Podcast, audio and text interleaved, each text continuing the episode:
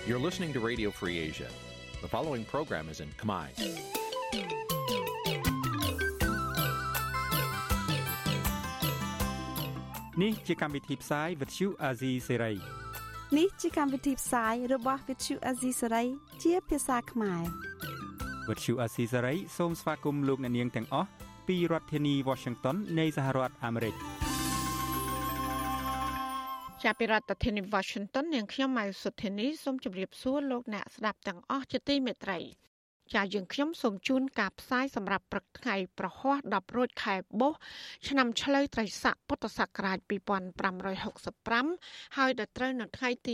27ខែមករាគ្រិស្តសករាជ2022ចាជាកិច្ចចាប់ផ្ដើមនេះនាងខ្ញុំសូមអញ្ជើញលោកអ្នកនាងកញ្ញាស្ដាប់ព័ត៌មានប្រចាំថ្ងៃដែលមានមេត្តាដូចតទៅ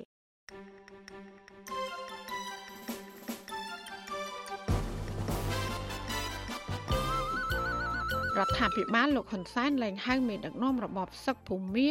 ថាជានាយករដ្ឋមន្ត្រីក្រោយរងការរិះគន់ទាហានឆុតខ្មៅថៃជាង30នាក់ឆ្លងដែនចូលមកដុតស្ពានមួយកន្លែងនៅខេត្តបៃលិនសកម្មជនប្រៃឈើអំពាវនាវដល់រដ្ឋាភិបាលឲ្យទទួលខុសត្រូវក្នុងរឿងបាត់បង់ប្រៃឈើជាង2លាន5សែនហិកតា សង្គមស៊ីវិលជំរុញឲ្យអាជ្ញាធរស៊ើបអង្កេតមន្ត្រីខុបខិតជាមួយនឹងអក្រិតជនគ្រឿងញៀននាំចូលមកកម្ពុជា ចារួមនឹងព័ត៌មានផ្សេងផ្សេងមួយចំនួនទៀតជាបន្តទៅទៀតនេះនាងខ្ញុំម៉ៃសុធានីសូមជូនព័ត៌មានទាំងនោះពឺស្ដាប់ លោកណានីជាទីមេត្រីអ្នកជំនាញវិទ្យាសាស្ត្រនយោបាយនិងទំនាក់ទំនងអន្តរជាតិមិនសង្ឃឹមថាមេដឹកនាំរដ្ឋបហាយោធាមីយ៉ាន់ម៉ាឬភូមាលោកមីនអងលៀងអនុវត្តតាមសំណើរបស់លោកនាយករដ្ឋមន្ត្រីហ៊ុនសែនទាំង4ចំណុចនោះឡើយអ្នកជំនាញវិទ្យាសាស្ត្រនយោបាយលោកអែមសវណ្ណរាឲ្យដឹងកាលពីថ្ងៃទី26ខែមករាម្សិលមិញ ថារដ្ឋាភិបាលកម្ពុជាចរចាជាមួយនឹងមេដឹកនាំរដ្ឋបហាមីយ៉ាន់ម៉ាតែម្ខាងមិនមានភាគីខាងរដ្ឋាភិបាលជាប់ឆ្នោតស្របច្បាប់ចូលរួមនោះទេ គឺมันអាចរកដំណោះស្រាយវិបត្តិមីយ៉ាន់ម៉ាបានឡើយលោកបញ្ជាក់ថាបញ្ហាចំនួនផ្ទៃក្នុងនឹងនៅតែបន្តហើយអំពើហិង្សាឬក្រមយោធាក៏នៅតែបាញ់សម្លាប់អ្នកប្រឆាំងខ្លួនដដែល ការលើកឡើងរបស់អ្នកជំនាញរូបនេះគឺនៅបន្ទាប់ពីលោកនាយករដ្ឋមន្ត្រីហ៊ុនសែនបានសន្ទនាតាមប្រព័ន្ធវីដេអូជាមួយនឹងលោកមីនអងឡាងកាលពីថ្ងៃទី26ខែមករា រដ្ឋមន្ត្រីបតិភូអមនាយករដ្ឋមន្ត្រីលោកកៅកំហួនថ្លែងប្រាប់ក្រុមអ្នកសារព័ត៌មានក្រោយពីជំនួបតាមប្រព័ន្ធវីដេអូរវាងលោកហ៊ុនសែននិងមេដឹកនាំរដ្ឋបាលភូមាលោកមានអង្លាំងថាលោកហ៊ុនសែនបានអំពាវនាវទៅមេដឹកនាំរដ្ឋបាលរូបនេះចំនួន4ចំណុច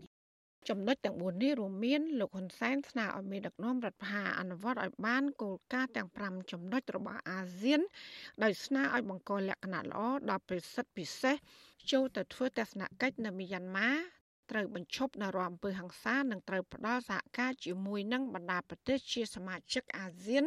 ក្នុងការផ្ដល់ជំនួយមនុស្សធម៌ដល់ប្រជាពលរដ្ឋមីយ៉ាន់ម៉ាចានេះមិនមែនជាលើកទី1ទេដែលលោកហ៊ុនសែន បានស្នើទៅលោកមីនអងលៀងឲ្យអនុវត្តគោលការណ៍4ចំណុចដោយតែលោកបានស្នើសំនេះនៅក្នុងដំណើរទស្សនកិច្ចដល់ជំរងចម្រាស់របស់លោកហ៊ុនសែនទៅប្រទេសមីយ៉ាន់ម៉ាកាលពីថ្ងៃទី7និងទី8ខែមករានោះលោកមីនអងលៀងនិងលោកហ៊ុនសែនបានព្រមព្រៀងគ្នា ទៅលើគោលការណ៍នេះម្ដងរួចមកហើយ ក៏ប៉ុន្តែក្រោយពីលោកហ៊ុនសែនវិលត្រឡប់មកកម្ពុជាវិញ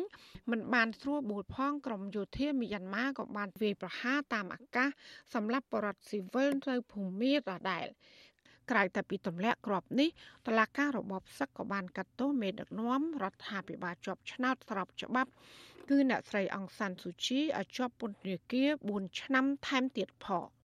តកតងនឹងបញ្ហានេះអ្នកជំនាញខាងកិច្ចការអន្តរជាតិក៏បានលើកឡើង ថារបបសឹកមិនត្រឹមតែមិនបានអនុវត្តនៅកិច្ចព្រមព្រៀងជាមួយលោកហ៊ុនសែនប៉ុណ្ណោះទេ គឺថែមទាំងផ្កើនទៀតផង ទោះជាយ៉ាងនេះក្តីអ្នកវិភាគថាលោកហ៊ុនសែននៅតែព្យាយាមបញ្ចុះបញ្ចូលមេដឹកនាំរបបសឹកឲ្យអនុវត្តកិច្ចព្រមព្រៀងទាំង4ចំណុចនេះដោយសារតែលោកចង់រក្សាតម្លៃនិងមុខមាត់របស់ខ្លួន ក្នុងនាមជាប្រធានបដូវវេនអាស៊ាន ដែលបរាជ័យក្នុងការរៀបចំកិច្ចប្រជុំថ្នាក់រដ្ឋមន្ត្រីការបរទេសអាស៊ានកាលពីពេលថ្មីថ្មីនេះដោយសារតែលោកបានទៅធ្វើទស្សនកិច្ចនៅមីយ៉ាន់ម៉ាដោយអត្តនោម័ត ម្យ៉ាងវិញទៀតទាំងលោកនាយករដ្ឋមន្ត្រីហ៊ុនសែនទាំងសេចក្តីប្រកាសព័ត៌មានរបស់ក្រសួងការបរទេសកម្ពុជាមិនបានហៅលោកមានអង្លាំងថាជានាយករដ្ឋមន្ត្រីដូចពីមុនទៀតទេដោយគ្រាន់តែហៅថាជាមេដឹកនាំជាន់ខ្ពស់ឬជាប្រធានក្រុមប្រឹក្សារដ្ឋបាលរដ្ឋនៃប្រទេសមីយ៉ាន់ម៉ាក្រោយពីមានការរិះគន់ពីប្រទេសជាសមាជិកអាស៊ានមួយចំនួនអំពីទស្សនកិច្ចរបស់លោកទៅកាន់មីយ៉ាន់ម៉ានោះ សេចក្តីប្រកាសព័ត៌មានដដែលនោះក៏មិនបានបញ្ជាក់អំពីការឆ្លើយតបឬការសន្យារបស់មេដឹកនាំរបបសឹកអំពីសំណើរបស់លោកហ៊ុនសែនទាំង4ចំណុចនោះថាយ៉ាងណានៅឡើយទេចាក្រសួងការបរទេសសរសេរដោយខ្លីថាលោកមីនអងឡាំងបដិញ្ញាធ្វើការជាមួយនឹងកម្ពុជាជាប្រធានអាស៊ាន និងបន្តពិភាក្សាដោយស្មោះត្រង់ទៅលើបញ្ហាទាំងនេះរីឯភាគីខាងរបបសឹកវិញ ក៏មិនទាន់បានបញ្ចេញព័ត៌មានអំពីជំនួប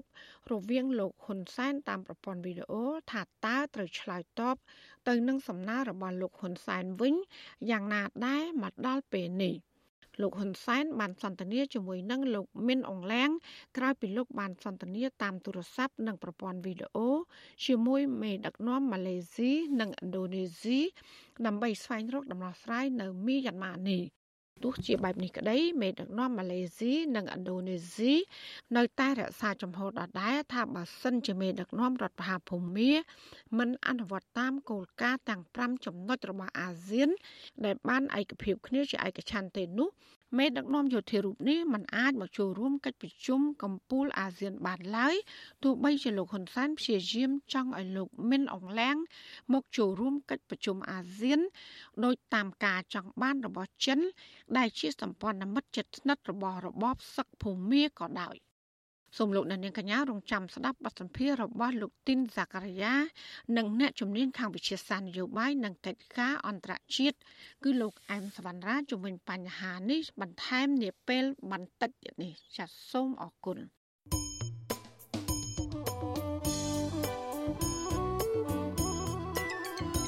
លោកអ្នកនាងកញ្ញាកំពុងស្ដាប់ការផ្សាយរបស់វិទ្យុអាស៊ីស្រីផ្សាយចេញពីរដ្ឋធានី Washington ជាវិទ្យុអសីស្រីផ្សាយតាមរលកធាតុអាកាសខ្លីឬ short wave តាមកម្រិតនិងកម្ពស់ដូចតទៅពេលព្រឹកចាប់ពីម៉ោង5កន្លះដល់ម៉ោង6កន្លះតាមរយៈរលកធាតុអាកាសខ្លី9390 kHz ស្មើនឹងកម្ពស់ 32ម៉ែត្រហើយនឹង11850 kHz ស្មើនឹងកម្ពស់ 25ម៉ែត្រ ចាសម្រាប់ពេលយប់វិញចាប់ពីម៉ោង7កន្លះដល់ម៉ោង8កន្លះគឺតាមរយៈរលកធាតុអាកាសខ្លី9390 kHz ស្មើនឹងកម្ពស់32ម៉ែត្រហើយនឹង15155 kHz ស្មើនឹងកម្ពស់20ម៉ែត្រចាសសូមអរគុណ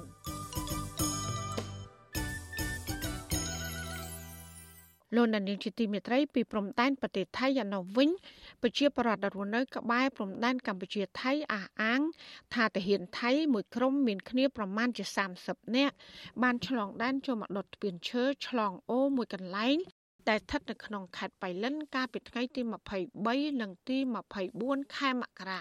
ហើយថាអាញាធរមិនបានទៅអើពើរារាំងក្រុមទាហានទាំងនោះឡើយចាមន្ត្រីសង្គមស៊ីវិលជំរុញរដ្ឋាភិបាលប្រញាប់ចាត់វិធានការបែបការទូត ដើម្បីកុំឲ្យទាហានថៃចេះតែរំលោភដែនអធិបតេយ្យកម្ពុជាតាមតែអំពើចិត្តចាលោកជាតិចំណានរាយការណ៍ព័ត៌មាននេះ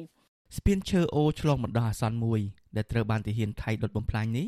ស្ថិតនៅចំណុចវាស្បូវក្នុងភូមិបរហុយត្បូងសង្កាត់បរយ៉ាខាក្រុងបៃលិនគឺនៅចម្ងាយពីព្រំដែនប្រមាណ100ម៉ែត្រតំបន់នេះមិនមានពលរដ្ឋឬទាហានព្រំដែនឈរប្រចាំការនោះទេ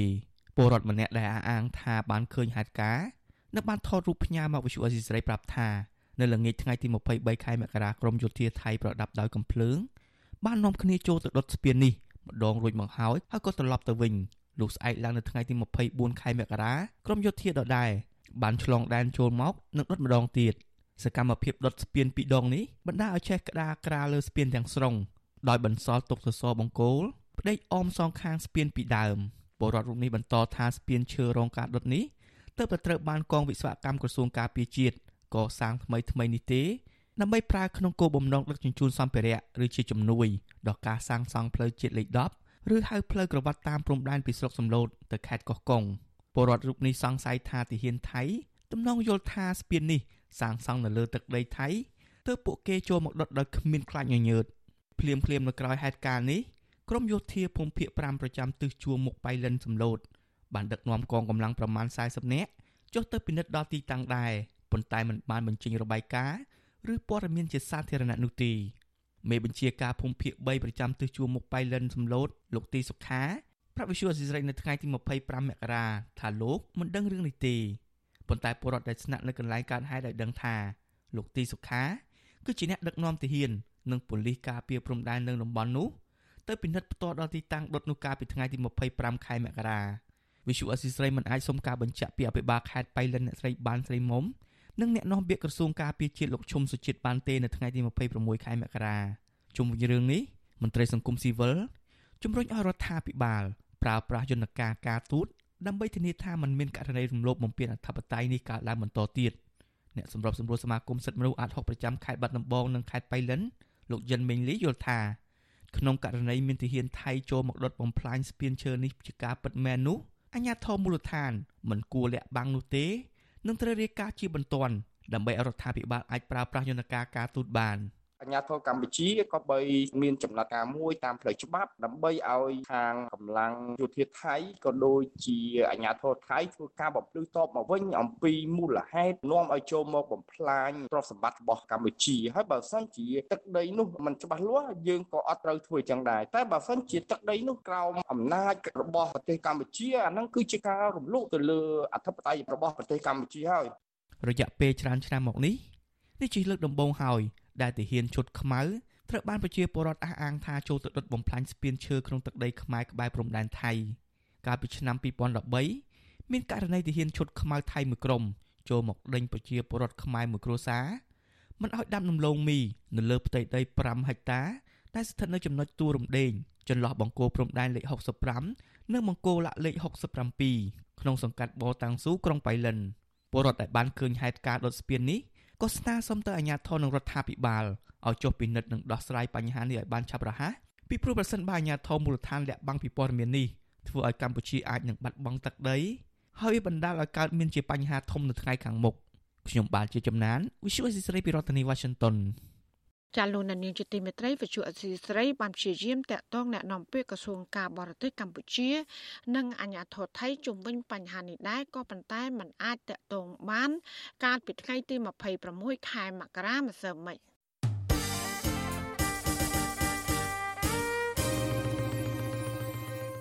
ចាលោកនានីជាទីមេត្រីមន្ត្រីបកភ្លើងទៀនចោតប្រកាន់ថាអភិបាលស្រុកសាលាក្រៅខេត្តបៃលិនថាបានបញ្ជាអាជ្ញាធរមូលដ្ឋាននិងកងកម្លាំងទៅដកស្លាកគណៈបកភ្លើងទៀនដែលទៅបានលើកនៅមុខផ្ទះរបស់សកម្មជនគណៈបកនេះកាលពីព្រឹកថ្ងៃទី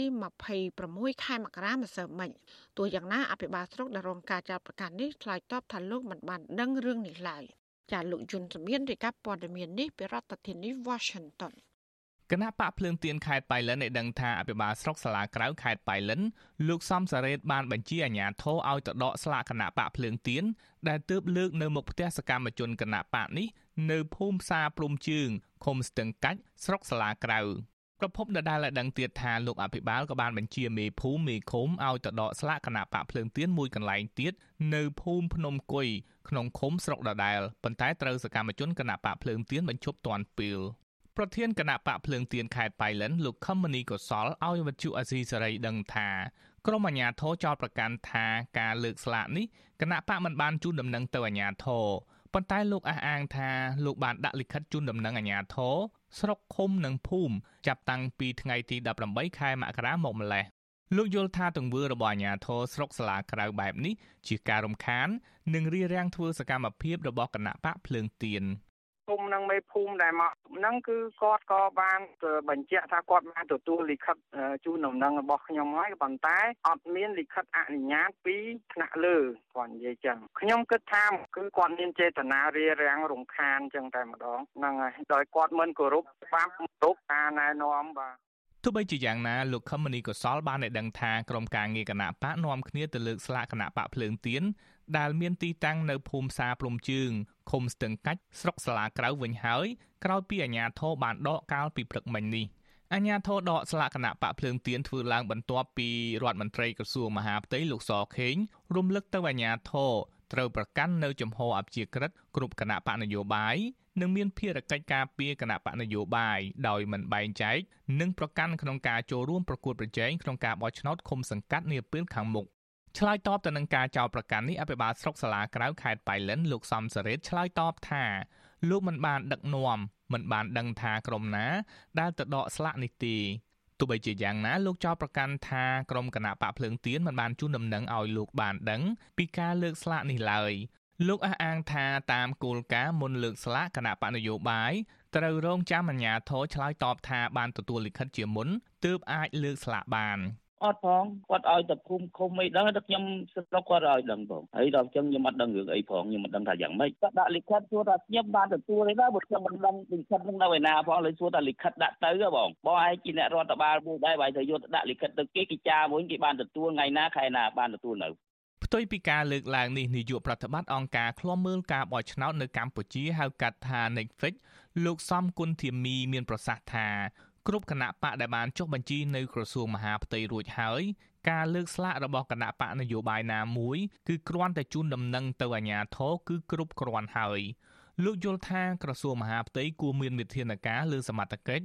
ដែលបំពេញការងារមិនត្រឹមត្រូវតាមច្បាប់និងការណែនាំរបស់រដ្ឋមន្ត្រីក្រសួងមហាផ្ទៃបាទអាហ្នឹងគេគាត់ជូនដំណឹងទៅហើយគេរៀបចំលើកខ្លាទៅប៉ុណ្ណឹងបានហើយរឿងហ្នឹងហើយអញ្ចឹងបានខ្ញុំក៏ចង់ឃើញ សម្ដេចសខេងគាត់អនុវត្តដែរបើគាត់ណែនាំចឹងហើយបើមិនព្រមស្ដាប់សូមគាត់ចាត់វិធានការតាមផ្លូវច្បាប់ទេការងាររដ្ឋបាលមានណាបាទចង់ដើម្បីជាជាមេរៀនទៅបណ្ដាគុំផ្សេងផ្សេងទៀតឬក៏ខេត្តផ្សេងទៀតណាបាទគណៈបកភ្លើងទៀនមានឈ្មោះដើមមកពីគណៈបកជាតិខ្មែរបន្ទាប់មកបដូរឈ្មោះមកជាគណៈបកសំរងស៊ី ដែលត្រូវបានបង្កើតឡើងដោយលោកសំរងស៊ីកាលពីឆ្នាំ1995គណៈបកនេះចាប់ផ្ដើមធ្វើសកម្មភាពនយោបាយឡើងវិញកាលពីចុងឆ្នាំ2021ក្រោយរដ្ឋាភិបាលរំលាយគណៈបកសង្គ្រោះជាតិកាលពីឆ្នាំ2017ចាប់តាំងពីគណៈបកភ្លើងទៀននេះធ្វើសកម្មភាពនយោបាយនិងលើកស្លាករបស់ខ្លួនមក សកម្មជនគណៈបកនេះត្រូវអាជ្ញាធរចាប់ខ្លួន និងសកម្មជនមួយចំនួនទៀតរងការប្រមានពីគណៈបកកណ្ដាលអំណាច ក្រៅពីនេះអាជ្ញាធរនឹងជន់មិនស្គាល់មុខនៅខេត្តសៀមរាបកំពង់ចាមខេត្តកំពត និងចុងក្រោយនៅខេត្តបៃលិន បានរំខានការលើកស្លាកគណៈបកនិងបំផ្លាញស្លាកគណៈបកប្រធានស្ដីទីគណៈបកភ្លើងទៀនលោកថៃសិដ្ឋាឲ្យដឹងថាប្រសិនបើគណៈបកភ្លើងទៀនបន្តជួបបញ្ហាបែបនេះតទៅទៀតគណៈបកភ្លើងទៀននឹងដាក់លិខិតទៅក្រសួងមហាផ្ទៃដើម្បីស្នើអន្តរាគមន៍ខ្ញុំយុនសាមៀនវិទ្យុអាស៊ីសេរីពីរដ្ឋធានី Washington ចាលោកដានៀងជាទីមេត្រីពាក់ព័ន្ធនឹងរឿងបុគ្គលិកកម្មករកាស៊ីណូ Naga World មន្ត្រីសិទ្ធិមនុស្សដែលខ្លាប់មើលការតវ៉ារបស់ពួកគេទទូចឲ្យតឡាការដោះលែងសហជីពដែលកំពុងជាប់ឃុំទាំង8នាក់ដើម្បីដោះស្រាយបញ្ចប់វិវាទទៅតាមអនុសាសន៍របស់លោកសខេងរដ្ឋមន្ត្រីក្រសួងមហាផ្ទៃ នាយកប្រតិបត្តិនៃអង្គការសម្ព័ន្ធភាពការពារសិទ្ធិមនុស្សហៅកាត់ថាច្រាក់លោករស់សុថាថ្លែងនៅចំពោះមុខក្រុមគឧតកោថាដើម្បីដោះស្រាយបញ្ចប់វិវាទនេះតុលាការចាំបាច់ត្រូវតែដោះលែងតំណាងសហជីពទៅតាមការទៀមទារបស់គឧតកោដើម្បីឲ្យពួកគេវិលចូលតុចរចាជាមួយភាគីក្រុមហ៊ុនលោកថាការដោះលែងតំណាងសហជីពទាំង8នាក់បង្ហាញថាអាញាធរនិងភាគីពាក់ព័ន្ធឆ្លើយតបទៅនឹងការអំពាវនាវរបស់លោកសខេង។ តាមរយៈសារព័ត៌មានគឺបានពេញសម័យសុខហេងបានចេញមុខថាជួយធ្វើអន្តរាគមឲ្យភាគីតំណងគឺថាងាកមករកការចរចាគ្នាខ្ញុំគិតថាល្អត្រឹមត្រូវខ្ញុំយើងខ្ញុំគ្រប់គ្រងនៅកម្រិតតាមរបស់សម្ដេចប៉ុន្តែអ្វីដែលយើងត្រូវដោះស្រាយយើងឃើញថាការដោះស្រាយវាស្រួលទេវាអត់ជាលំបាកទេប៉ុន្តែ បញ្ហាដែលយើងធ្វើឲ្យវាកាន់តែធំគឺបានចាប់នៅទៅហើយហៅថាមានដំណងគាត់ទៅដាក់ពុទ្ធទៅតុលាការឲ្យពីការកាត់ទោស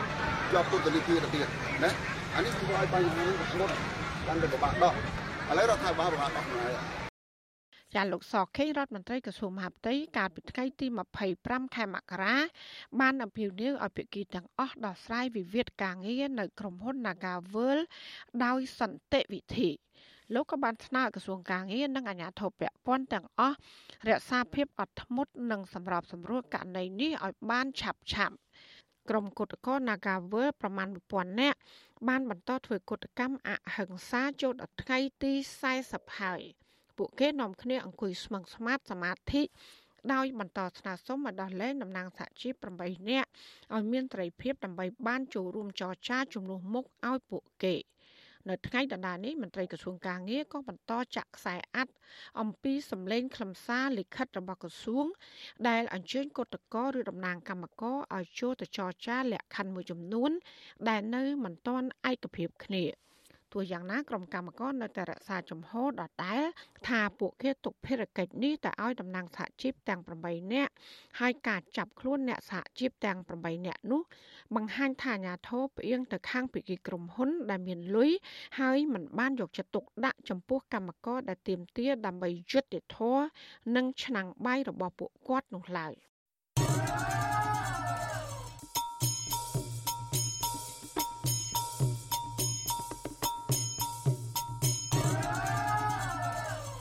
ចាលោកនាងកញ្ញាកំពុងស្ដាប់ការផ្សាយរបស់វិទ្យុអសីស្រីផ្សាយចេញពីរដ្ឋធានី Washington មន្ត្រីសង្គមស៊ីវិលនៅតែជំរុញអាជ្ញាធររដ្ឋាភិបាលពន្លឿនស្វែងរកមុខមន្ត្រីក្រាក់ក្រាក់ដែលបានខົບខិតជាមួយក្រុមអក្រិតជនគ្រឿងញៀនជនជាតិចិននាំចូលសារធាតុញៀនរាប់សិបតោនមកក្នុងប្រទេសកម្ពុជាតើមូលហេតុអ្វីបានជាសមត្ថកិច្ចមិនអាចវែកមុខជនល្មើសមកផ្ដន្ទាទោសតាមច្បាប់ ចាសសូមលោកនាងកញ្ញារងចាំស្ដាប់សេចក្តីរាយការណ៍ពុស្ដាមពីរឿងនេះនៅក្នុងការផ្សាយរបស់យើងនាពេលបន្តិចទៀតនេះ thank you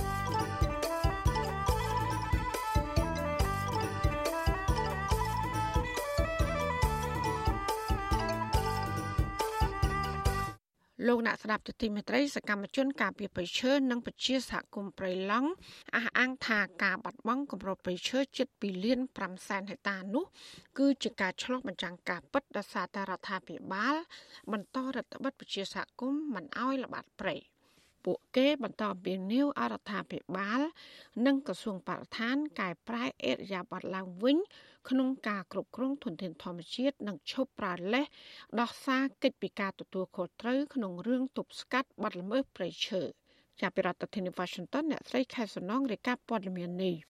សកម្មជនការពារព្រៃឈើនិងប្រជាសហគមន៍ព្រៃឡង់ចាត់ទុកការបាត់បង់គម្របព្រៃឈើដ៏ធំធេងនេះជាចេតនាទាំងស្រុងរបស់ក្រសួងបរិស្ថាននិងរដ្ឋាភិបាលដែលគ្មានភាពច្បាស់លាស់ការពារធនធានធម្មជាតិស្របតាមការបដិញ្ញាចិត្តរបស់ខ្លួន កាលពីថ្ងៃទី24មករាបណ្ដាញសហគមន៍ព្រៃឡង់និងសាកលវិទ្យាល័យ Copenhagen នៃប្រទេសដាណាម៉ាក បានផ្សាយរបាយការណ៍ស្រាវជ្រាវថ្មីមួយរកឃើញថាកម្ពុជាបាត់បង់គម្របព្រៃឈើជិត2លាន5សែនហិកតា ក្នុងចន្លោះឆ្នាំ2001ដល់ឆ្នាំ2020ឬស្មើនឹងប្រមាណ28%នៃគម្របព្រៃឈើសរុបប្រជាសហគមន៍ព្រៃឡង់អះអាងថាពួកគេ បានចោះស៊ើបអង្កេតនិងស្រាវជ្រាវរយៈពេល3ខែចុងក្រោយនេះដោយប្រើឧបករណ៍ប្រមូលទិន្នន័យថតរូបវីដេអូ ឧបករណ៍តាមដានប្រព័ន្ធកំណត់ទីតាំងសកលឬ GPS សម្ភាសប្រជាសហគមន៍និងចោះត្រួតពិនិត្យទីតាំងកັບរៀនទន្ទ្រានដីព្រៃជាក់ស្ដែងដោយរកឃើញថាព្រៃឈើរាប់ម៉ឺនហិកតាក្នុងដែនជម្រកសត្វព្រៃឡង់ទទួលរងការកាប់ទន្ទ្រានដើម្បីយកធ្វើជាកម្មសិទ្ធិ ប្រធានបណ្ដាញសហគមន៍ព្រៃឡង់ខេត្តកំពង់ធំលោកហ៊ឿនសុភីបសង្កេតឃើញថាចំណុចខ្សោយរបស់រដ្ឋាភិបាលនៅតែផ្ដល់សិទ្ធិឲ្យក្រុមហ៊ុនឯកជនយ៉ាងហោចណាស់4ធ្វើអាជីវកម្មឈើខ្នាតធំ នៅជាប់ដែនជំរកសត្វព្រៃឡង់ដែលជាហេតុធ្វើឲ្យព្រៃអភិរក្សមួយនេះត្រូវបានជន់ល្មើសលួចកាប់ឈើមានតម្លៃឥតថមថយឡើយ។ លោកបន្តថាក្រុមហ៊ុនឯកជនបានប្រើល្បិចកាប់ឈើក្នុងព្រៃអភិរក្សដឹកចូលការដ្ឋានរបស់ក្រុមហ៊ុនរួចបន្លំជាឈើស្របច្បាប់ហើយដឹកចេញក្រៅដោយមានការខົບខិតគ្នាជាប្រព័ន្ធរវាងអាជ្ញាធរជំនាញនិងក្រុមហ៊ុនលោកបញ្ជាក់ថារដ្ឋាភិបាលនៅតែគ្មានចំណាត់ការច្បាប់លើក្រុមអ្នកកាប់បំផ្លាញព្រៃឈើទើបធ្វើឲ្យព្រៃឈើបន្តបាត់បង់ជារៀងរាល់ឆ្នាំ។ មិនមែនតែក្រសួងបរិស្ថានទេរដ្ឋាភិបាលទាំងមូលកំពុងតែមិនមិនមានចំណាត់ការចាត់ការទៅលើក្រមពួកកັບបំផ្លាញព្រៃឈើទេនៅតែបន្ធូរដៃឲ្យគឺថាវាមិនអាចឲ្យព្រៃឈើនោះថយចុះបានទេវានៅតែមានការកាប់បំផ្លាញព្រោះសកម្មភាពនឹងទង្វើរបស់រដ្ឋាភិបាលរបស់ក្រសួងគឺវាធ្វើឲ្យអ្នកបំផ្លាញព្រៃឈើនោះកាន់តែបានដៃកំណត់ថាបំផ្លាញទៅគឺវាមិនមានហេតុផលវាមិនមានទោសអីសម្រាប់ខ្លួនទេ របាយការណ៍ដដែលឲ្យដឹងថាការបាត់បង់ទំហំព្រៃឈើនេះធ្វើឲ្យកម្ពុជា បានបញ្ចេញឧស្ម័នពុលកាបូនិករហូតដល់ជិត1500លានតោនលើពីនេះទៀតក្នុងឆ្នាំ2020កម្ពុជាបានបាត់បង់គម្របព្រៃឈើក្នុងតំបន់ព្រៃអភិរក្សរហូតដល់ជិត48000ហិកតា ដែលក្នុងនោះមានដែនជម្រកសត្វព្រៃព្រៃឡង់ ព្រៃប្រារកានិងព្រៃសង់រុក្ខវ័នរងការបំផ្លិចបំផ្លាញច្រើនជាងគេគឺបាត់បង់គម្របព្រៃឈើជិត10000ហិកតាក្នុងរយៈពេលដូចគ្នានេះ។លោកហ៊ឿនសុភីបន្ថែមថាបាត់ល្មើសព្រៃឈើកើនឡើងច្រើនក្រោយពីក្រសួងបរិស្ថាន បន្តរដ្ឋបတ်ប្រជាសហគមន៍មិនឲ្យចុះល្បាតព្រៃប៉ុន្តែបែរជាបណ្ដោយឲ្យក្រុមអ្នកអាឈើខុសច្បាប់ចូលព្រៃអភិរក្សបានដោយងាយ លោកបន្តថាក្រុមអ្នកកាប់ឈើនិងអាជ្ញាធរខលខូចហាក់ដឹងពីចំណាត់ការរបស់រដ្ឋាភិបាលទើបពួកគេនៅតែបន្តប្រព្រឹត្តបទល្មើសព្រៃឈើដោយមិនក្រែងច្បាប់ សនំពោដល់រាជរដ្ឋាភិបាលទាំងមូលជាពិសេសគឺក្រសួងបរិស្ថានតំណងចឹងគឺទៅតែមានចំណាត់ការខ្ពស់ទៅលើសកម្មភាពនៃការការការកាប់បំផ្លាញព្រៃឈើព្រោះយើងឃើញថាប្រទេសកម្ពុជាទាំងមូលគឺស្ថិតនៅលើដែនសមត្ថកិច្ចនៃការការពាររបស់ក្រសួងបរិស្ថានស្ទើរតែគ្រប់កន្លែងប៉ុន្តែរដ្ឋាភិបាលគួរតែរឹតបន្តឹងបន្ថែមឲ្យក្រសួងបរិស្ថានព្រោះក្រសួងបរិស្ថានបើយើងឃើញឃើញថាក្រសួងបរិស្ថាននេះគឺទៅចំកន្លែងណាដូចជាចង់ថាព្រៃដែលការពារស្ទើរតែបាត់បាត់បង់ធនធាននៅតំបន់នោះតែម្ដង វិទ្យុអស៊ីសេរីមិនអាចតាក់ទងសុំការបំភ្លឺរឿងនេះពីអ្នកនាំពាក្យក្រសួងបរិស្ថានលោកណេតភក្ត្រាបាននៅឡើយទេ នៅថ្ងៃទី25មករាដោយទូរស័ព្ទហៅចូលច្រើនដង តែគ្មានអ្នកលើកសកម្មជនការពារព្រៃឈើបានផ្ដល់អនុសាសន៍ថា ទំហំព្រៃឈើនឹងបន្តបាត់បង់ថែមទៀតដរាបណារដ្ឋាភិបាល នៅតែប្រងើយកន្តើយមិនដោះស្រាយក្តីកង្វល់របស់ប្រជាសហគមន៍និងទទួលយកសំណូមពររបស់ក្រុមអង្គការសង្គមស៊ីវិលមកដោះស្រាយ។ ជុំវិញរឿងនេះសកម្មជនការពារព្រៃឈើលោកហេងស្រស់មើលឃើញថាការបាត់បង់ទំហំព្រៃឈើនេះគឺជាចេតនារបស់មន្ត្រីរដ្ឋាភិបាល ដែលតែងតែបើកដៃឲ្យជនល្មើសប្រព្រឹត្តបទល្មើសព្រៃឈើនិងជួញដូរឈើទៅលក់នៅក្រៅប្រទេស។លោកបញ្ជាក់ថាបើគ្មានការបើកដៃពីមន្ត្រីជំនាញនិងអាជ្ញាធររដ្ឋាភិបាលនោះទេ ក្រុមជនល្មើសនឹងមិនអាចធ្វើសកម្មភាពបានដោយងាយស្រួលដោយសពថ្ងៃនេះឡើយហើយទំហំព្រៃឈើ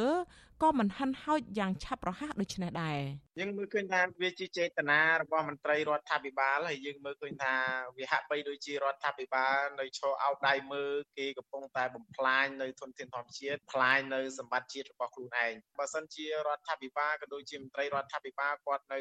បង្ងើយកន្តើយនិងឈរអោបដៃមើលវាហាក់បីដូចជាពួកគាត់នឹងកំពុងតែចូលដៃចូលជើងជាមួយនឹងក្រុមអ ுக ្រិតជនទាំងអស់នោះហើយរបាយការណ៍ដដែលនេះបន្ថែមថាប្រជាសហគមន៍នៅជុំវិញតំបន់ការពារធម្មជាតិជាអ្នករងផលប៉ះពាល់មុនគេបង្អស់ពីការបាត់បង់គម្របព្រៃឈើនេះ ពីព្រោះជីវភាពរស់នៅរបស់ពួកគេពឹងផ្អែកទៅលើអនុផលព្រៃឈើ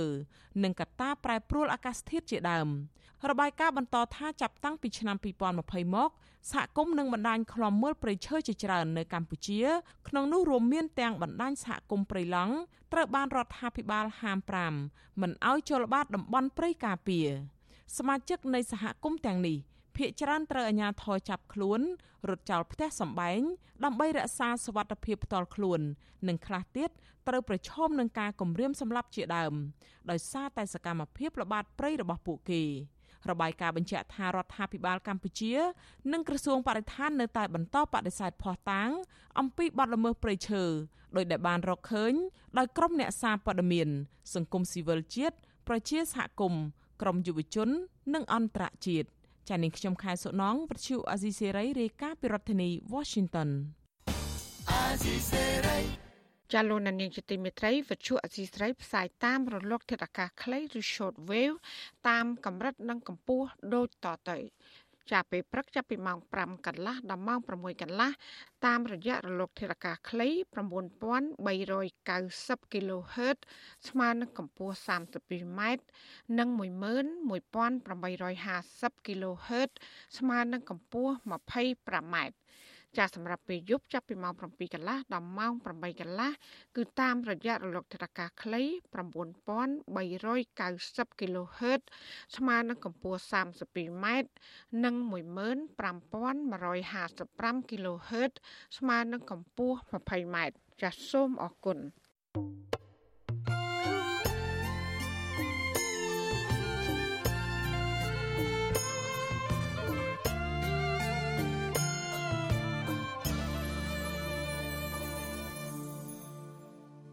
ចាលោកអ្នកស្ដាប់ទទីមេត្រីអ្នកនេសាទនៅតំបន់ដងទន្លេមេគង្គក្នុងខេត្តក្រចេះនិងខេត្តស្ទឹងត្រែងអះអាង ថាត្រីកម្រក្នុងតំបន់កាន់តែខ្សត់ជារៀងរាល់ឆ្នាំនឹងមានត្រីមួយចំនួនទៀតចិត្តផុតពូជផងដែរពួកគេសង្កេតឃើញថាត្រីប៉ាសេអ៊ីនិងត្រីកម្រមួយចំនួនទៀតដែលរស់នៅតាមដងទន្លេសេកុងទន្លេសេសាននិងទន្លេស្រែពកក្នុងខេត្តស្ទឹងត្រែងកំពុងប្រឈមការផុតពូជក្នុងរយៈពេលដ៏ខ្លីខាងមុខ ចា៎នេះគឺជាសកម្មភាពរបស់លោកសនច័ន្ទរដ្ឋាជំវិញបញ្ហានេះប្រជានេសាទតាមដងទន្លេមេគង្គប្រួយបារម្ភជាថ្មីទៀតពីជោគវាសនាត្រីកម្រក្នុងតំបន់មួយចំនួនដូចជាត្រីប៉ាស៊ីអ៊ីត្រីប៉ារ៉ាមុខ2ត្រីខ្ចាត្រីកដាំងហាយនិងត្រីថ្ម កំពុងប្រឈមការផុតពូជពួកគេសង្កេតឃើញថាមានហេតុផលបន្តបន្សំជាច្រើនដែលធ្វើត្រីកម្រទៅនេះងាយរងគ្រោះដោយសារការអភិវឌ្ឍទំនប់វារីអគ្គិសនីការប្រែប្រួលចរន្តទឹកនិងការប្រើឧបករណ៍នេសាទខុសច្បាប់ជាដើម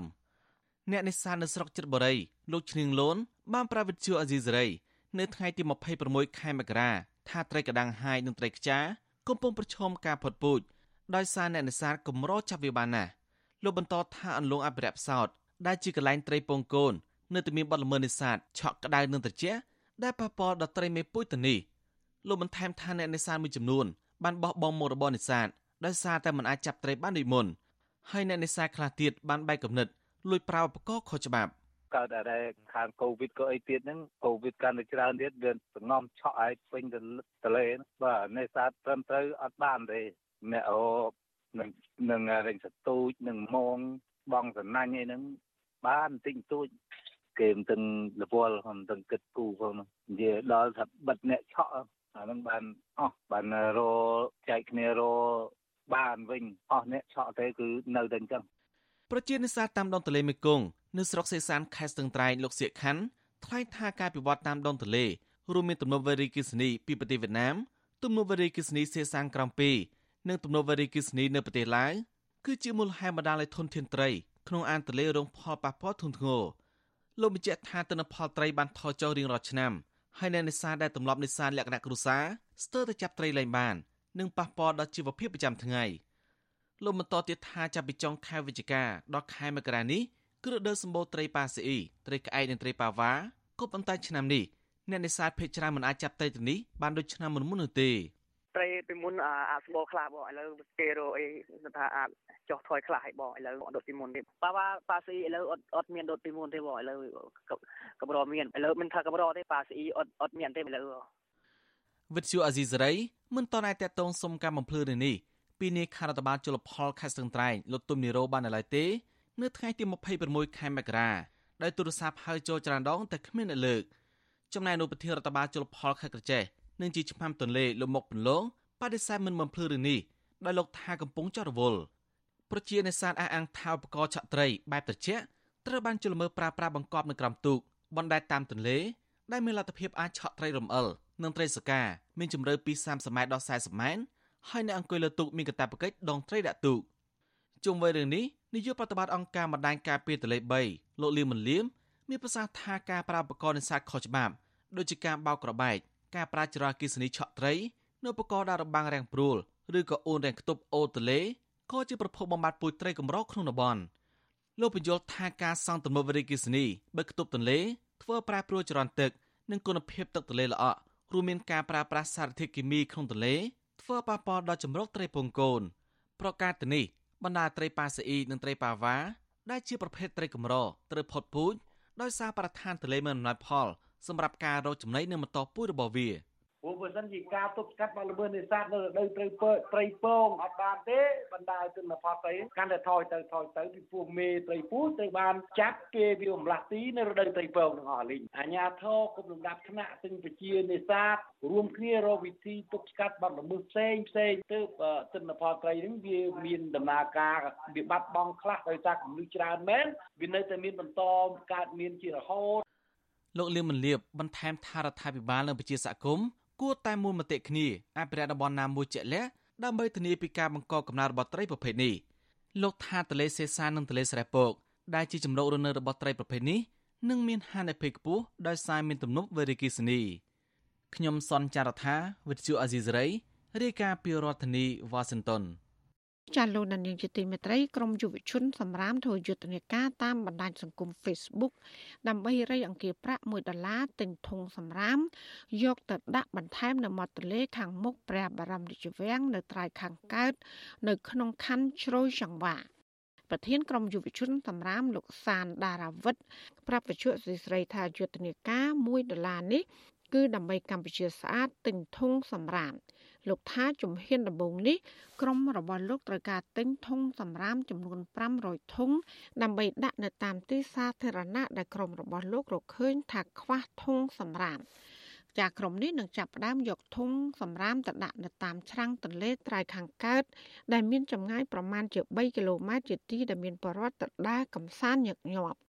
លោកថាក្រមយុវជនសម្រាមតែងតែទៅប្រមូលសម្រាមនៅទីនោះ ជារៀងរាល់សប្តាហ៍តែងតែសង្កេតឃើញអ្នកដែលដើរទៅកំសាន្តបោះចោលសម្រាមពីវាលពីកាតយើងចង់ណែនាំឲ្យប្រជាពលរដ្ឋយើងចេះយកសម្រាមខ្លួនប្រើប្រាស់យកទៅដាក់ទុកដាក់នៅក្នុងធុងសម្រាមឲ្យបានស្រួលបួលអញ្ចឹងណាអញ្ចឹងយើងក៏ព្យាយាមធ្វើការរៃអង្គាសតើតើការប្រមូលទិញធុងសម្រាមស្តង់ដាមួយដែលយើងអាចដាក់តាមទីសាធារណៈបានងាយស្រួលដល់ខាង អ្នកក្រុមហ៊ុនប្រមូលសម្រាមផងដែរសម្រាមអស់ហ្នឹងគឺត្រូវដាក់ក្នុងធុងសម្រាមសម្រាប់គាត់យកទៅញ៉ាំឬក៏ទៅហូបចុកអីជុំគ្នាហ្នឹងគាត់ត្រូវយកទៅដាក់ក្នុងធុងសម្រាមអញ្ចឹងនៅពេលដែលយើងដាក់ធុងសម្រាមហើយយើងដាក់បដាមួយទៅជាលក្ខណៈរូបភាពឲ្យគាត់យល់ថាសម្រាមគួរតែយកទៅបោះចោលខាងក្បែរគាត់ធុងសម្រាមក្បែរគាត់អញ្ចឹងយើងដាក់អាហ្នឹងវាជាការផ្សព្វផ្សាយបន្តមកទៀតហើយបន្តមកយើង take action បែបជាលក្ខណៈទៅប្រមូលសម្រាមនៅម្ដុំម្ដុំកន្លែងគាត់ឬក៏ យើងទៅជជែកជាមួយគាត់ថាបងមានសម្រាប់ផ្ញើអីគឺអាហ្នឹងជាយុទ្ធនាការយើងកន្លងមកធុងសម្រាប់ដាក់នៅទីសាធារណៈដែលក្រមយុវជនចង់បាននោះ គឺមានតម្លៃ45ដុល្លារក្នុងធុងមួយក្រមយុវជនសម្រាមដែលជាក្រមនិស្សិតបានធ្វើការស្ម័គ្រចិត្តរួមគ្នាប្រមូលសម្រាមនៅទីសាធារណៈជាពិសេសគឺនៅតាមទីតាំងដែលមានប្រវត្តិដើរកំសាន្ត ក្រុមយុវជននេះបានចេញមុខដំបូងប្រមូលសម្រាមដែលកកស្ទះនៅក្នុងប្រឡាយទឹកស្អុយបឹងត្របែកកន្លងមកអាញាធរតែងចោទសកម្មជនរបស់ក្រមយុវជន សកម្មជនបរិស្ថាននិងសកម្មជន សង្គមថាមានបង្កប់ចេតនាប៉ុនប៉ងផ្ដួលរំលំរដ្ឋាភិបាល ឬញុះញង់បង្កអសន្តិសុខសង្គមជាដើមក្នុងនោះមានសកម្មជនជាបន្តបន្ទាប់បានជាប់ពន្ធនាគារដោយសារតែការចោទប្រកាន់ទាំងនេះ។ ក្រុមអង្គការសង្គមស៊ីវិលហៅការចោតប្រកាន់ទាំងនោះ ថាធ្វើឡើងដោយគ្មានភ័ស្តុតាងនិងជាការលៀបពណ៌ដើម្បីបង្ក្រាប និងរដ្ឋបិទលើសិទ្ធិរបស់ពលរដ្ឋ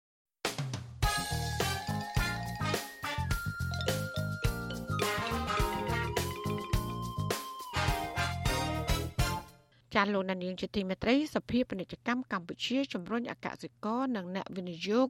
លើវិស័យកសិកម្មគួរតែគិតគូរអំពីស្តង់ដារអនាម័យ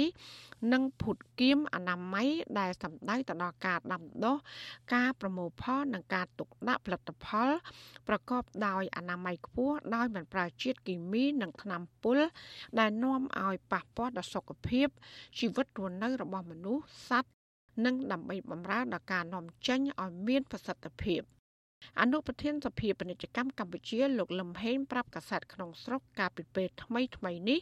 ថាក្រៅតែពីស្តង់ដារអនាម័យគ្រប់ភាគីពាក់ព័ន្ធក៏គួររៀបចំផែនការវិនិយោគទៅតាមតំបន់ព្រំដែនព្រោះថាការវិនិយោគទៅតាមព្រំដែនក៏ជាការចាំបាច់មួយដែរដើម្បីសម្រួលដល់ការនាំចេញកសិផល ទៅប្រទេសជិតខាងបានឆាប់ដោយចំណាយពេលតិចនិងចំណេញច្រើន។ ការលើកឡើងបែបនេះស្របពេលដែលទំហំពាណិជ្ជកម្មទ្វេភាគីរវាងកម្ពុជានិងថៃ មានតម្លៃជិត800ពាន់លានដុល្លារអាមេរិកកាលពីឆ្នាំ2021គឺកើនឡើងជាង10%បើធៀបទៅនឹងឆ្នាំ2020 ក្រសួងពាណិជ្ជកម្មរបស់ប្រទេសថៃបានបង្ហាញថាកម្ពុជា បាននាំចេញទំនិញទៅប្រទេសថៃមានតម្លៃ894លានដុល្លារគឺធ្លាក់ចុះជាង22%កាលពីឆ្នាំ2021ចំណែកឯកម្ពុជាវិញកាលពីឆ្នាំ2021បាននាំចូលទំនិញពីប្រទេសថៃមានតម្លៃជាង7000លានដុល្លារគឺកើនឡើង16%បើធៀបទៅនឹងឆ្នាំ2020 ការនាំចេញផលិតផលសំខាន់សំខាន់ពីកម្ពុជាទៅប្រទេសថៃ រួមមានវាយនភ័ណ្ឌផលិតផលកសិកម្មត្បូងវត្ថុធាតុដើម និងផលិតផលផ្សេងផ្សេងទៀតចំណែកឯការនាំចូលផលិតផលពីប្រទេសថៃវិញ រួមមានត្រីសាច់បបន្លែរថយន្តជីសរីរាង្គគ្រឿងឧបភោគបរិភោគនិងសម្ភារៈសំណង់ជាដើម ចំពោះការនាំចេញកសិផលរបស់កម្ពុជាទៅប្រទេសថៃ ជាទូទៅតែងតែប្រឈមមុខនឹងឧបសគ្គនៃតម្រូវការអនាម័យនិងភូតគាមអនាម័យ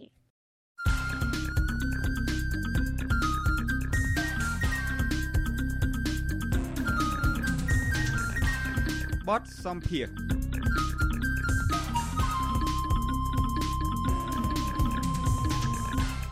ចាលោកនាងជាទីមេត្រីអ្នកជំនាញវិជាសាស្ត្រនយោបាយនិងតំណាក់តំណងអន្តរជាតិមិនសង្ឃឹមថាមេដឹកនាំរដ្ឋបហាយោធាមីយ៉ាន់ម៉ាឬភូមាលោកមិនអងឡាំងអនុវត្តតាមសំណើរបស់លោកនាយករដ្ឋមន្ត្រីហ៊ុនសែនទាំង4ចំណុចនោះឡើយតើមូលហេតុអ្វីបានជាអ្នកជំនាញវិជាសាស្ត្រនយោបាយលោកអែមសវណ្ណារាហ៊ានអះអាងយ៉ាងដូចនេះ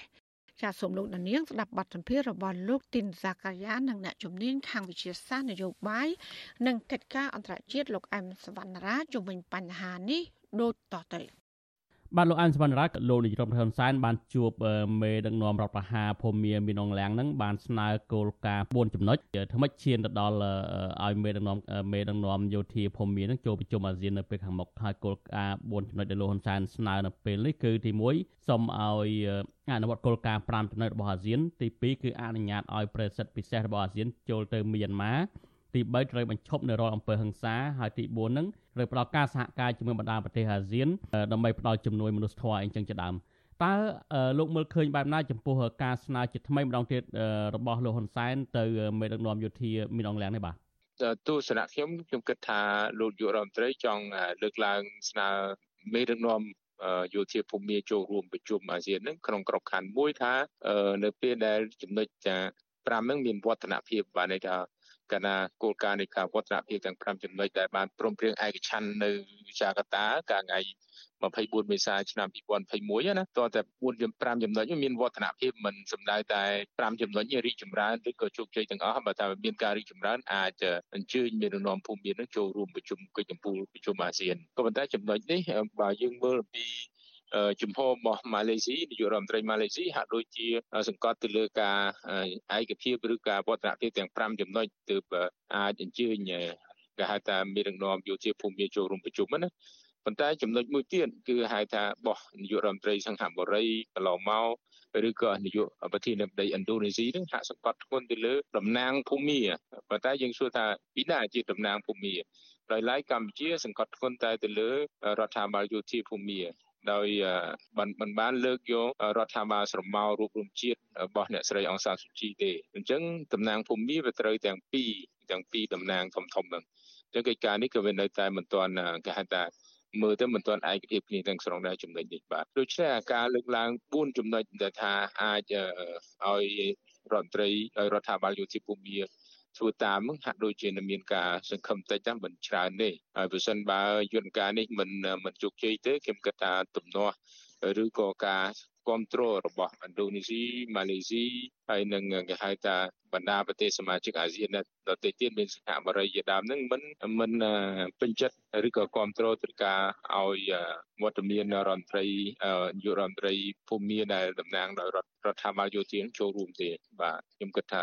នៅតែរក្សាគោលការណ៍5ចំណុចហ្នឹងឲ្យឲ្យទុករដ្ឋាភិបាលយោធាភូមិហ្នឹងគ្រាន់តែជាអ្នកសង្កេតការទៅអានឹងវាអាចទៅរួចដែរបាទ លោកអានសវណ្ណរាមានប្រសាសន៍ថាសំណើរបស់លោកនាយករដ្ឋមន្ត្រីទៅកាន់លោកមីនអងលៀងជាថ្មីម្ដងទៀតនៅថ្ងៃទី26មករានេះហាក់បីដូចជាសង្ឃឹមតិចណាស់ហើយដោយដែលលោកមានលើកឡើងនេះអញ្ចឹងកាលពីជំនួបកាលពីថ្ងៃទី7មករាហ្នឹងគឺក្រោយពីជំនួប7មករានៅឯប្រទេសមៀនយ៉ាន់ម៉ាហ្នឹងគឺបន្ទាប់ពីនឹងមួយថ្ងៃគឺមានការទម្លាក់គ្រាប់ទៅទៅលើប្រជាជនភូមិវិញដដាលគឺក្រមយោធានឹងហើយអ្វីសំខាន់យើងឃើញថាមានការកាត់ទោសអ្នកស្រីអនសានសូជី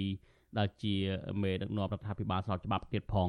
អ្វីដែលជាកលឹះសំខាន់ដែលលោកនាយករដ្ឋមន្ត្រីហ៊ុនសែននៅតែជាយាមតាក់ទងទៅមេដឹកនាំយោធាភូមិហើយស្នើឲ្យស្នើទៀតអំពីគោលការណ៍ទាំង4ចំណុចរបស់លោកនេះបាទអឺអ្វីដែលយើងគិតគឺទីមួយគាត់ចង់ស្ដារនៅគេហៅថាការងារដែលធ្វើកន្លងមកដែលមានការរិះគន់ពីសមាជិកអាស៊ានដទៃទៀតឧទាហរណ៍ដំណើរជំហានបឋមពីកន្លងនយោបាយការបរទេសរបស់លោកនៅក្នុង ការទៅទស្សនកិច្ចនៅក្នុងភូមិជាសហគេថាផ្លូវរដ្ឋនៃសហភាពមីយ៉ាន់ម៉ាហ្នឹងហើយក៏នៅក្នុងក្របខ័ណ្ឌជាប្រធានអាស៊ានដែរប៉ុន្តែត្រូវបានការរិះគន់ពីរដ្ឋមន្ត្រីការបរទេសម៉ាឡេស៊ីឬក៏មានការរិះគន់ពីសមាជិកអាស៊ានដទៃទៀតខ្លាំងក្លា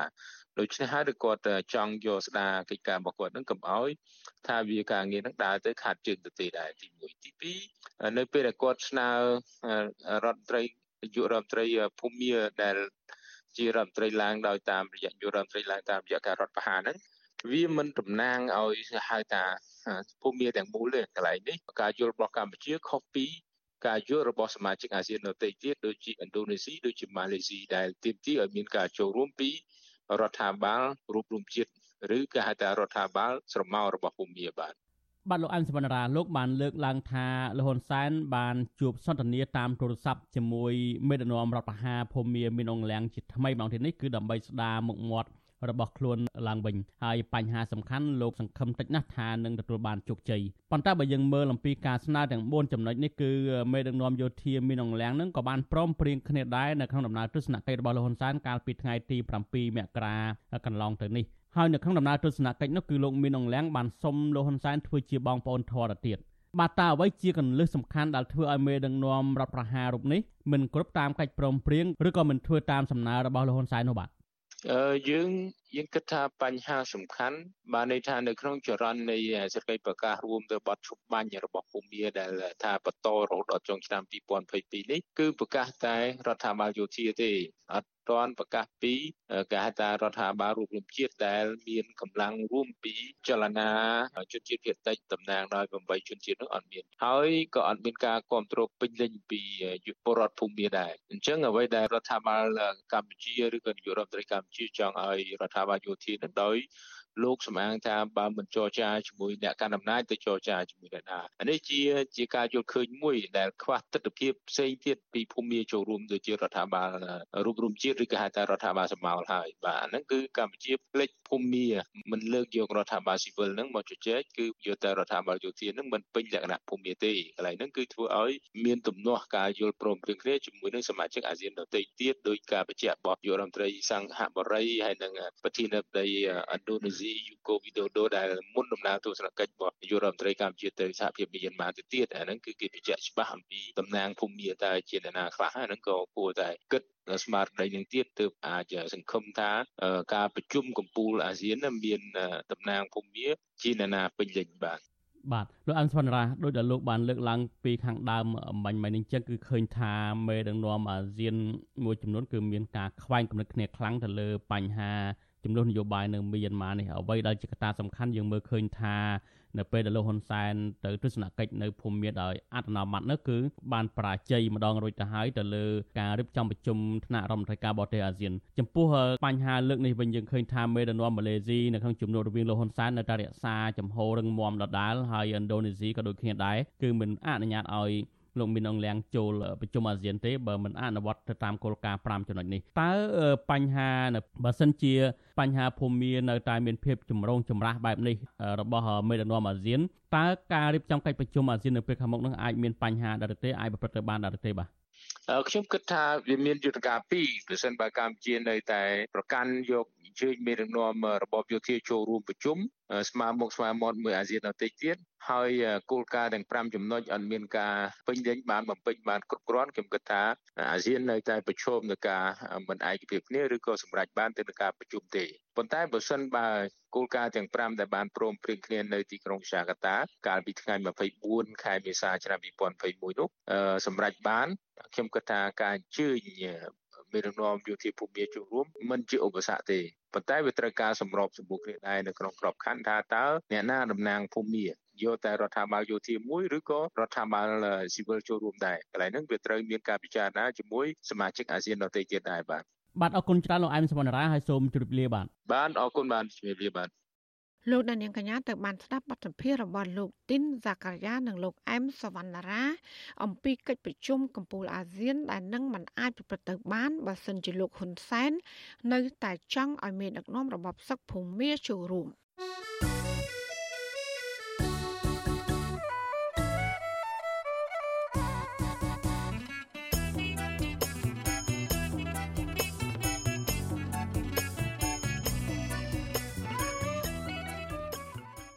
ចាលោកនាងជាទីមេត្រីមន្ត្រីសង្គមស៊ីវិលនៅតែជំរុញអាជ្ញាធររដ្ឋាភិបាលក្រុងភ្នំពេញ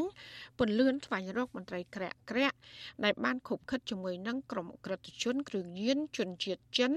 ដែលបាននាំចូលសារធាតុញៀនរាប់សិបតោនចូលមកក្នុងប្រទេសកម្ពុជា ការលើកឡើងនេះស្របពេលដែលរដ្ឋមន្ត្រីក្រសួងមហាផ្ទៃលោកសខេងបានបញ្ជាអាជ្ញាធរពាក់ព័ន្ធចាត់វិធានការលើមន្ត្រីដែលបានខុបខិតជាមួយនឹងក្រុមឈ្មួញនាំចូលសារធាតុញៀននិងអំពើលាងលុយកខ្វក់នៅកម្ពុជាចាលោកលេងម៉ាលីរាជការពុស្ដាជំនាញព័ត៌មាននេះដូចតទៅ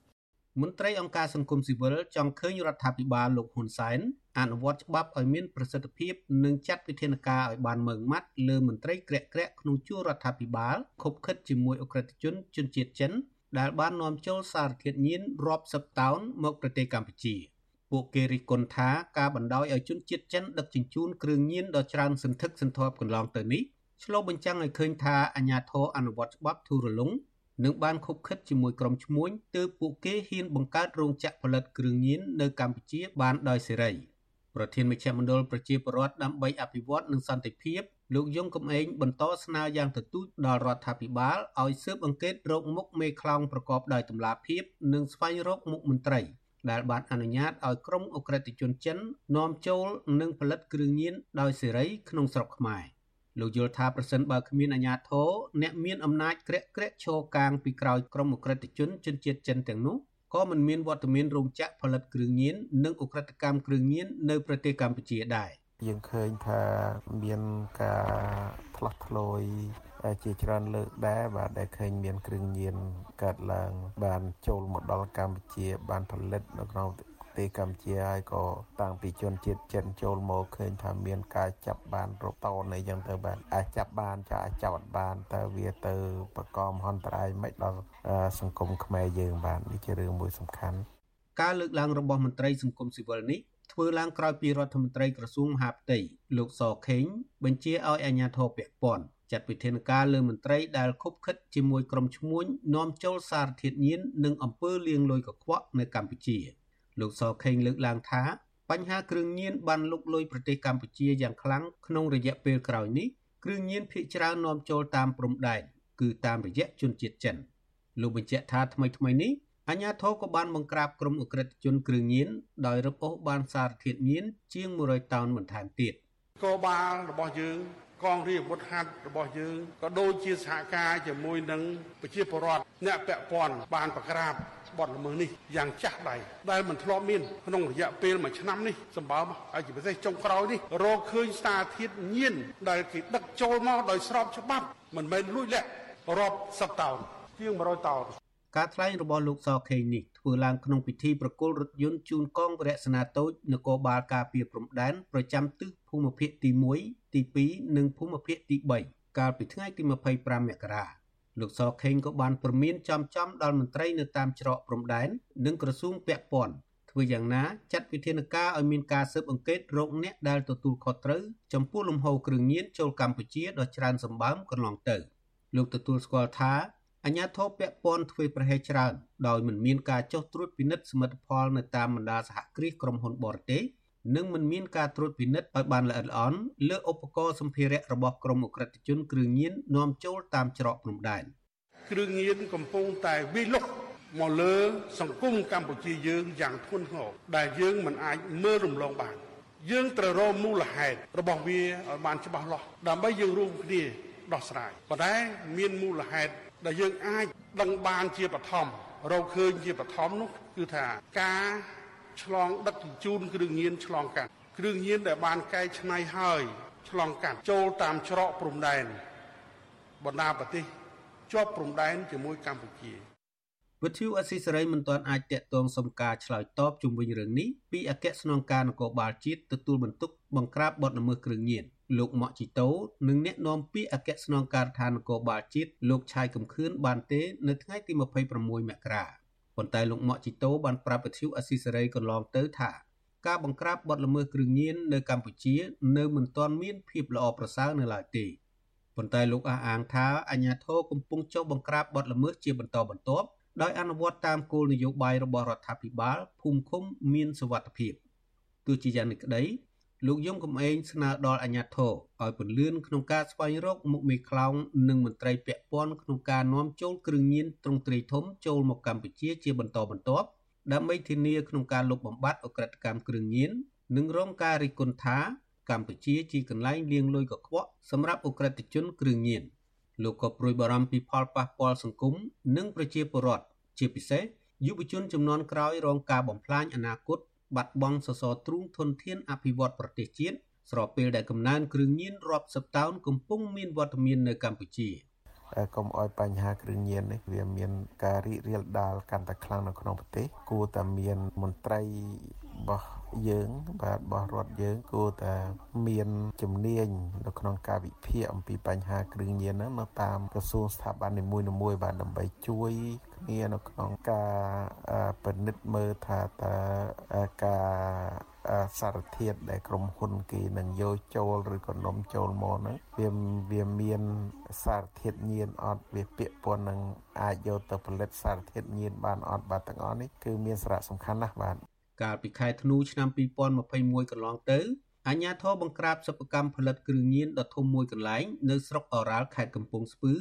ដោយរឹបអូសបានគ្រឿងញៀនប្រមាណ80តោននិងឃាត់ក្រុមអក្រិតជនជាង10នាក់ដែលភ ieck ច្រើនជាជនជាតិចិនក្នុងនោះមានជនជាតិចិនម្នាក់បានស្លាប់ដោយសារការប៉ះទង្គិចគ្នាដោយអាវុធជាមួយសមត្ថកិច្ចលោកសខេងក៏បានបញ្ជាក់ក្នុងពិធីប្រគល់រថយន្តនោះថា អាញាធរបានបង្ក្រាបដោយរឹបអូសសារធាតុគីមីផ្សំជាគ្រឿងញៀនប្រមាណជាង100តោនបន្ថែមទៀតរបាយការណ៍គណៈកម្មាធិការប្រឆាំងគ្រឿងញៀនកាលពីឆ្នាំ2021បង្ហាញថាអាញាធរបានបង្ក្រាបបទល្មើសគ្រឿងញៀនជាង6200ករណីនិងបានឃាត់ខ្លួនមនុស្សជិត14000នាក់ក្នុងចំណោមជនសង្ស័យទាំងនោះមានមនុស្សចំនួនជាង4400នាក់ជាប់ពាក់ព័ន្ធនឹងការជួញដូរគ្រឿងញៀននិងមនុស្ស8500នាក់ប្រើប្រាស់គ្រឿងញៀន រួមទាំងជនបរទេស363នាក់ផ្សេងទៀតជាអ្នកពាក់ព័ន្ធនឹងការប្រើប្រាស់គ្រឿងញៀនសមត្ថកិច្ចឲ្យដឹងទៀតថា រយៈពេល9ខែដើមឆ្នាំ2022អាជ្ញាធរបានបង្ក្រាបបទល្មើសគ្រឿងញៀនជាង10000ករណីឬស្មើនឹងគ្រឿងញៀនជាង4តោនអ ுக ្រិតជនគ្រឿងញៀនចុងក្រោយនេះភ ieck ច្រើនជាជនជាតិចិនដោយឡែកកាលពីឆ្នាំ2020អាជ្ញាធរកម្ពុជាបានចាប់ខ្លួនជនជាតិចិន523នាក់ ពាក់ព័ន្ធនឹងបទឧក្រិដ្ឋដែលពួកគេបានប្រព្រឹត្តនៅកម្ពុជាពាក់ព័ន្ធនឹងបទឧក្រិដ្ឋនេះដែរសមត្ថកិច្ចឲ្យដឹងថាជនជាតិចិនដែលត្រូវបានចាប់ខ្លួនភ ieck ច្រើនមានជាប់ពាក់ព័ន្ធនឹងការប្រព្រឹត្តអំពើឃាតកម្មចាប់ចម្រិតទារប្រាក់អំពើហិង្សាឆោបោកចោរកម្មរត់ពន្ធគ្រឿងញៀននិងការប្រើប្រាស់អាវុធខុសច្បាប់ជាដើមខ្ញុំបាទលេងម៉ាលីវិទ្យុអស៊ីសេរីរាយការណ៍ពីរដ្ឋធានី Washington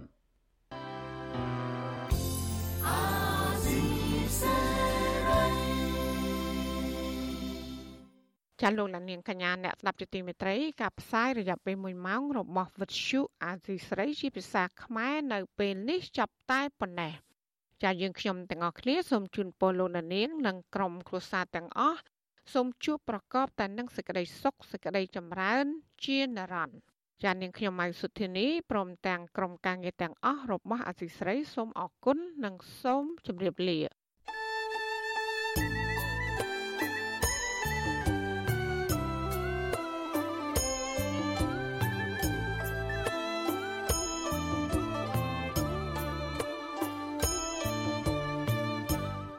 ទ្យុអេស៊ីសេរីផ្សាយតាមរលក ធាតុអាកាសខ្លី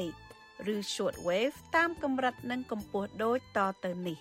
ពេលព្រឹកចាប់ពីម៉ោង5កន្លះដល់ម៉ោង6កន្លះតាមរយៈរលកធាតុអាកាសខ្លី9390 kHz ស្មើនឹងកម្ពស់ 32m និង11850 kHz ស្មើនឹងកម្ពស់ 25m ពេលយប់ចាប់ពីម៉ោង7កន្លះដល់ម៉ោង8កន្លះតាមរយៈរលកធាតុអាកាសខ្លី 9390 kHz ស្មើនឹងកម្ពស់ 32m